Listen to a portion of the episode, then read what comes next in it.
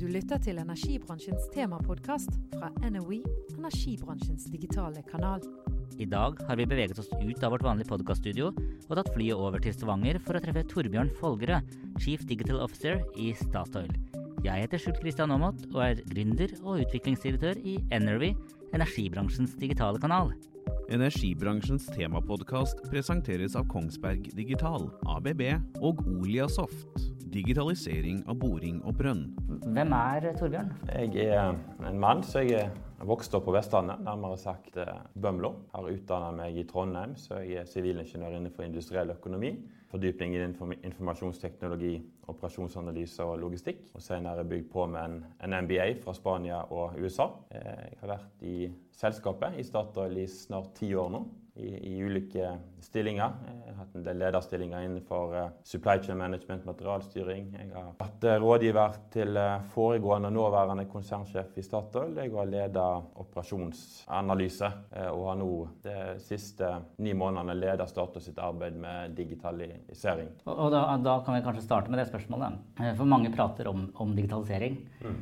Hva er forskjellen på digitalisering og digital transformasjon? Tematikken rundt digitalisering mange tenker da først og fremst business to consumer-bransjen. Det kan være media, det kan være telekom, det kan være banknæringen. Det som kjennetegner de industriene, er at selve produktet blir digitalisert. Medieindustrien, så lenge færre og færreste leser avisene, det har blitt bits and bites, enere og nullere som vi leser på, på mobil.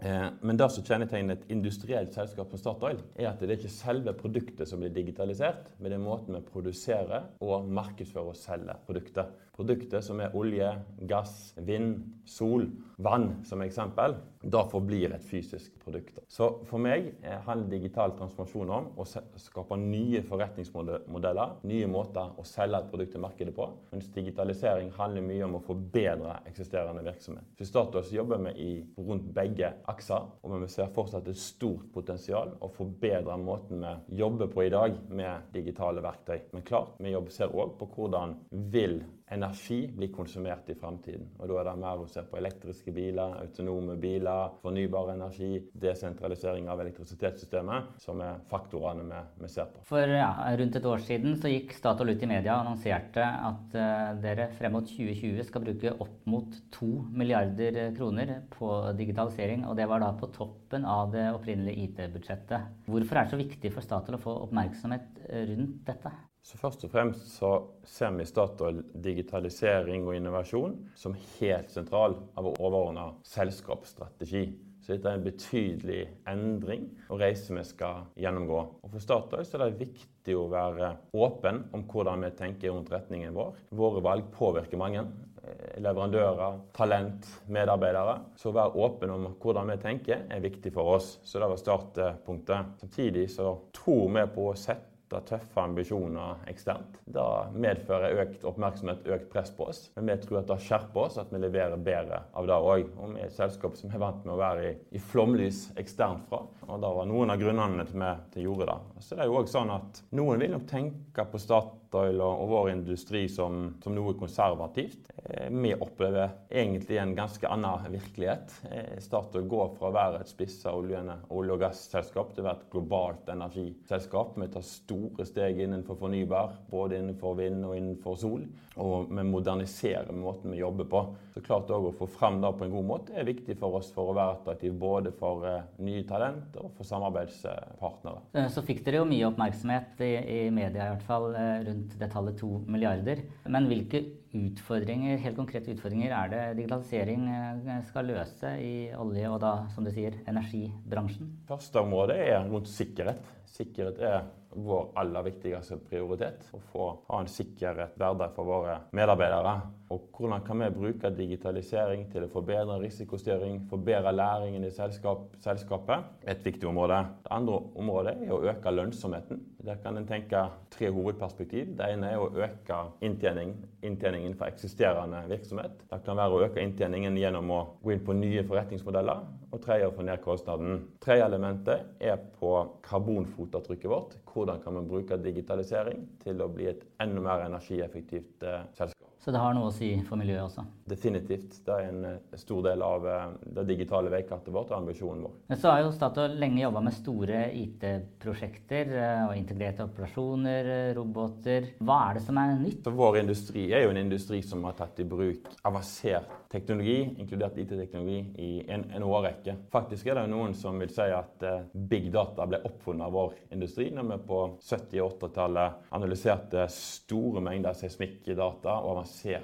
analyser. Så man kan si at dere starta med digitalisering på 70-tallet? Ja, det vil jeg absolutt kunne, kunne, si. Vår industri har alltid vært veldig tidlig ute i å ta i bruk eh, ny IT-utstyr og ny teknologi. Eh, et annet eksempel er jo hvordan vi jobber med sensor og monitorering. Eh, I 2005 så åpna vi monitoreringssenter som følger alle våre data og alle data for våre utstyr offshore, og kan monitorere, monitorere det i, i real time. Og et annet eksempel er jo Valemon, som nå er fjernstyrt fra kontoret vårt på Sandsli i Bergen det meste av tiden. Så da har vi et eh, anlegg ute i Nordsjøen som blir fjernstyrt fra land. Og alt dette handler jo veldig mye om dataflyt og digitalisering. Men så er det så at det er både en, en industriell kontekst og en teknologisk kontekst som gjør at i Statoil tror vi at det er mye potensial å akselerere måten vi jobber med, med digitalisering på. Den industrielle konteksten gjør at vi har vært gjennom en krevende periode som industri. Vi har eh, sett store produktivitetsforbedringer. Framover så tror vi at eh, det er digitalisering som kommer til å være kanskje den aller viktigste enableren for å ta ut økt produktivitet. Men så har oljekrisa påvirka takten når det gjelder eh, digitalisering? Jeg vil kunne si ja til det. Samtidig så er det òg en ekstern teknologisk trend som gjør at vi nå ser økte muligheter. Og det handler jo om sensorteknologi. Eh, vi ser at antall ting knytta til eh, internett kommer til å øke fra 7 milliarder til 20 milliarder i løpet av bare 24 måneder. Halvparten er forventa innenfor industrielle selskap, så det er ikke lenger vi som konsumenter, men det er industrielt utstyr som blir knytta online. Det handler om enorme datamengder. Mer og mer industrielle datamengder. Vi ser jo at Statoil i dag har femdobla antall dataene våre bare siden 2012. Når vi nå tar i bruk skyløsninger, så kan vi lagre og forvalte denne dataen på helt nye måter. Det handler om en eksponentiell utvikling i prosesseringskapasiteten til maskiner, som gjør at vi nå kan kjøre mye tyngre analyse, maskinlæring og algoritmer på toppen av våre komplekse datasett. Så det teknologiske bildet, trenden, gjør at den hadde nok kommet uavhengig av oljekrisen. for å se det på den måten. Her ser vi forretningspotensialet i, i disse trendene. Energibransjens temapodkast presenteres av Kongsberg Digital, ABB og Oliasoft.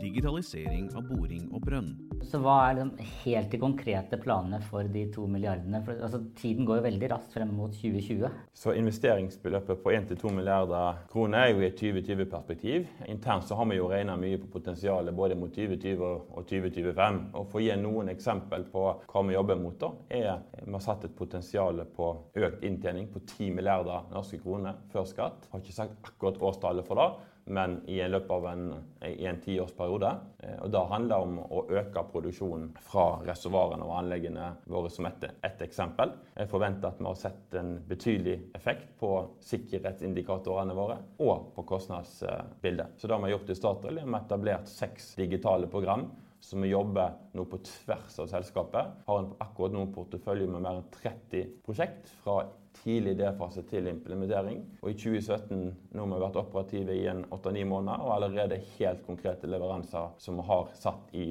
produksjon i våre operative linjer. Så vi ser at vi klarer å levere disse prosjektene i et helt annet tempo enn vi vant med innenfor IT. Hvordan skal eh, investeringene fordeles? Eller hvor mye drypper på de der ute som ikke er ansatt i Statoil, men som veldig veldig gjerne har lyst til å jobbe for Statoil? Så Investeringsbildet vi ser innenfor digitalisering, handler i hvert fall om tre hovedområder. Først er at vi gjør noen en stor modernisering av IT-arkitekturen i selskapet. Vi jobber akkurat nå bl.a. med Microsoft og bruker deres skyløsning. Så i starten nå har vi en Cloud First-strategi. Så vi laster nå mye av vår industrielle data gjør det tilgjengelig i skyen. Så det er ene bolken, modernisering av arkitekturen vår. Det andre elementet er at vi nå jobber veldig aktivt med å se på maskinlæring, ny visualisering, avansert analyse. og gjør investeringer der. Og Det tredje elementet er at vi investerer i kompetanseutvikling for alle medarbeidere i Statoil. Når det gjelder splitten mellom Statoil og, våre leverandører, så kommer en betydelig andel av dette til tilfelle eksterne samarbeidspartnere, sånn som vi har sett i andre deler av Statoil. I dag utgjør leverandørene våre kanskje en plass mellom 65 til 70% når du ser på Statoil bredt. Eh, og jeg tror ikke tallet kommer til å være så mye annerledes innenfor eh, digitalisering, som allerede etablert en rekke samarbeidspartnere som bistår oss på vårt digitale veikart. Hvordan kan eh, leverandørindustrien posisjonere seg for å levere eh, prosjektet til Statoil som går under denne paraplyen digitalisering? Så sånn som jeg tenker rundt det, er for det først og fremst så har vi en, en tett og god dialog med våre eksisterende leverandører, som tradisjonelt har levert til energiselskap. Det kan være Aker Solution, det kan være Baker Hughes, GE, Schlumberger eh, osv. Alle disse selskapene utvikler noen nye digitale løsninger. og Det setter Statoil veldig pris på, for det betyr at det her er løsninger som vi kan ta i bruk for. Så det er ett element. Samtidig ser vi at selskap som tradisjonelt har vært mer tech-retta, eh, det kan være nevnte Microsoft, det kan være Google, det kan være eh, IBM med flere, blir stadig mer interessant for et industrielt selskap som Statoil. Så dette er også selskap vi jobber aktivt med nå, og tar de nærmere vår operative ende. Et tredje element er oppstartsselskap. Jeg tror at noen av de aller beste ideene her kommer til å komme fra mindre, små selskap, og ikke nødvendigvis kun de store. Så der har Statoil gått i partnerskap med et selskap noe som heter Techstars, som vil hjelpe oss å nå ut en bredt i forhold til oppstartsselskap for å knytte det tettere til, til Statoil. Så vi vil være interessert å få gode ideer, gode løsninger på hvordan eh, digitale løsninger, løsninger kan hjelpe Statoil. Kan også nevne at vi har en aktiv rolle i industrisamarbeid. Noe som heter Konkraft vi har jobba med for å se på konkurransekraften på norsk sokkel. Vi har en eget industriprosjekt som Statoil har vært med å lede innenfor eh, vedlikehold og modifikasjonssektoren, som har sett på digitalisering. Som ønsker å ha en proaktiv aktiv rolle ute i industrien for å sammen se på hvordan kan både norsk sokkel og den globale industrien skape verdi fra digitalisering. Statoil er et stort konsern med store, tunge interne prosesser. Hva er bremseklossene for å kunne gjennomføre de store endringsprosjektene? Så Statoil har komplekse operasjoner. Risikostyring ligger som et fundament i grunnen med alt vi gjør, og det vil jeg òg gjøre i en digital kontekst. Samtidig så jobber vi nå med å øke farten på implementeringen av digitale verktøy. Statoil må bevege seg minst like fort og aller helst raskere enn våre omgivelser for å være konkurransedyktig i fremtiden. Så kombinasjonen på alltid ha god risikostyring samtidig som vi klarer å implementere digitale løsninger raskere, blir viktig. Så der prøver vi å lære fra andre industrier. Vi implementerer nå agile arbeidsformer. Vi har tverrfaglige team. Vi kjører i sprinter. Som et eksempel som har med et prosjekt som har vi har allerede levert bare på en syv-åtte måneder for vår US Onshore-forretning. Der vi har etablert tre operasjonsstøttesenter i Austin, Eagleford og Bakken strømmer data fra åtte ulike kilder til en skyløsning. Vi har lagt avansert analyse og maskinlæring i et nytt dashboard. Allerede tatt i bruk av våre produksjonsingeniører og vedlikeholdsingeniører. Og nå kjører vi sprinter på fem-seks uker og itererer og stadig forbedrer verktøyet. Et stort prosjekt levert på måneder og ikke år. Det er ganske nytt på eh, Statoil, eh, og noe vi kommer til å jobbe aktivt med framover for å få raske leveranser. Men Hvordan vekter du utfordringen med det å, å, utvikle de menneskelige ressursene og endre hvordan de ansatte her i, i selskapet samhandler, versus det å endre og, og, utvikle teknologi? Så Dette handler først og fremst om mennesker. Det er våre ansatte i Statoil i dag som kan domenet, som er gode på det som vil se hvilke problem kan de løse. Og Så gjelder det å sette ned tverrfaglige team med domeneekspertene. Det kan være en reservoaringeniør, en produksjonsingeniør eller en trader. Og sette dem i team sammen med data scientist, programmerere, arkitekter. Eh, noe av det vi gjør i Statoil, er at vi har etablert et digitalt akademi kommer til å investere opptil 100 millioner dette året for å sette sammen en portefølje av digitale kurs mye av det eksternt, som er gjort tilgjengelig for et bredt spekter av ansatte i Statoil. For det er å øke både nysgjerrigheten, interessen og adopsjonsevnen til alle våre ansatte i, i, Statoil. I tillegg så gjør vi noe selektiv rekruttering av ny kompetanse inn i selskapet, inn i enheten jeg leder, innenfor maskinlæring, dataanalyse, som eksempel. Energibransjens temapodkast presenteres av Kongsberg Digital, ABB og Oliasoft. Digitalisering av boring og brønn. Innen 2030 så er mer enn halvparten av dagens ansatte i Statoil gått av med pensjon.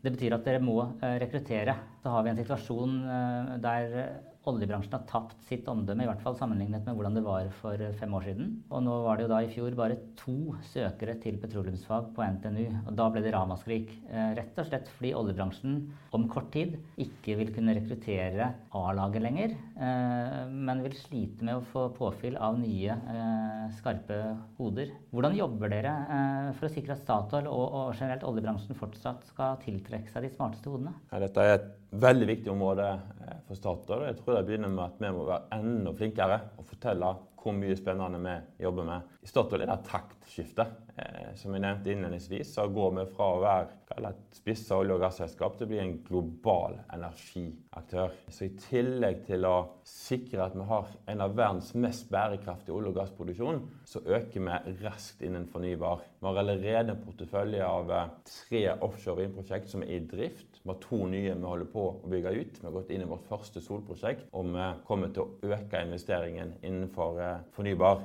Så denne historien er det viktig med å få fram. Så er det jo sånn at iallfall jeg mener at vår industri skal løse noen av de mest spennende problemene i verden. Energi for framtiden. Vi vet at verden trenger mer og mer energi, og mer og mer eh, klimavennlig energi. Så de som kommer inn i Statoil, vil få lov til å jobbe med både noen av de mest komplekse teknologiske utfordringene og med å løse energidilemma, energiproblemstillingene. De jobber i et område som er viktig i et samfunnspolitisk perspektiv. Så det er så mange fasetter av vi jobber i et globalt energiselskap som, som Statoil. Dette må vi få ut til, til, studentene. I Statoil, selv om vi har vært gjennom en krevende tid, så må vi fortsette å rekruttere graduates. I fjor så rekrutterte vi 78 nye graduates i selskapet. Og dette er et antall vi kommer til å vedlikeholde i, i årene som kommer. Det jeg syns er gledelig. Jeg har hatt mange mange titalls intervju de siste månedene når jeg holder på å bygge opp en ny digital enhet i Statoil. Eh, jeg har nå etablert en data science-enhet med per i dag rundt 15 personer. Eh, vi har fått over 1000 søkere til disse stillingene. Vi har nå en enhet med åtte nasjonaliteter blant de 15. Halvparten med doktorgrader, ung snittalder. Og få tak i noen av de beste folkene som er der ute.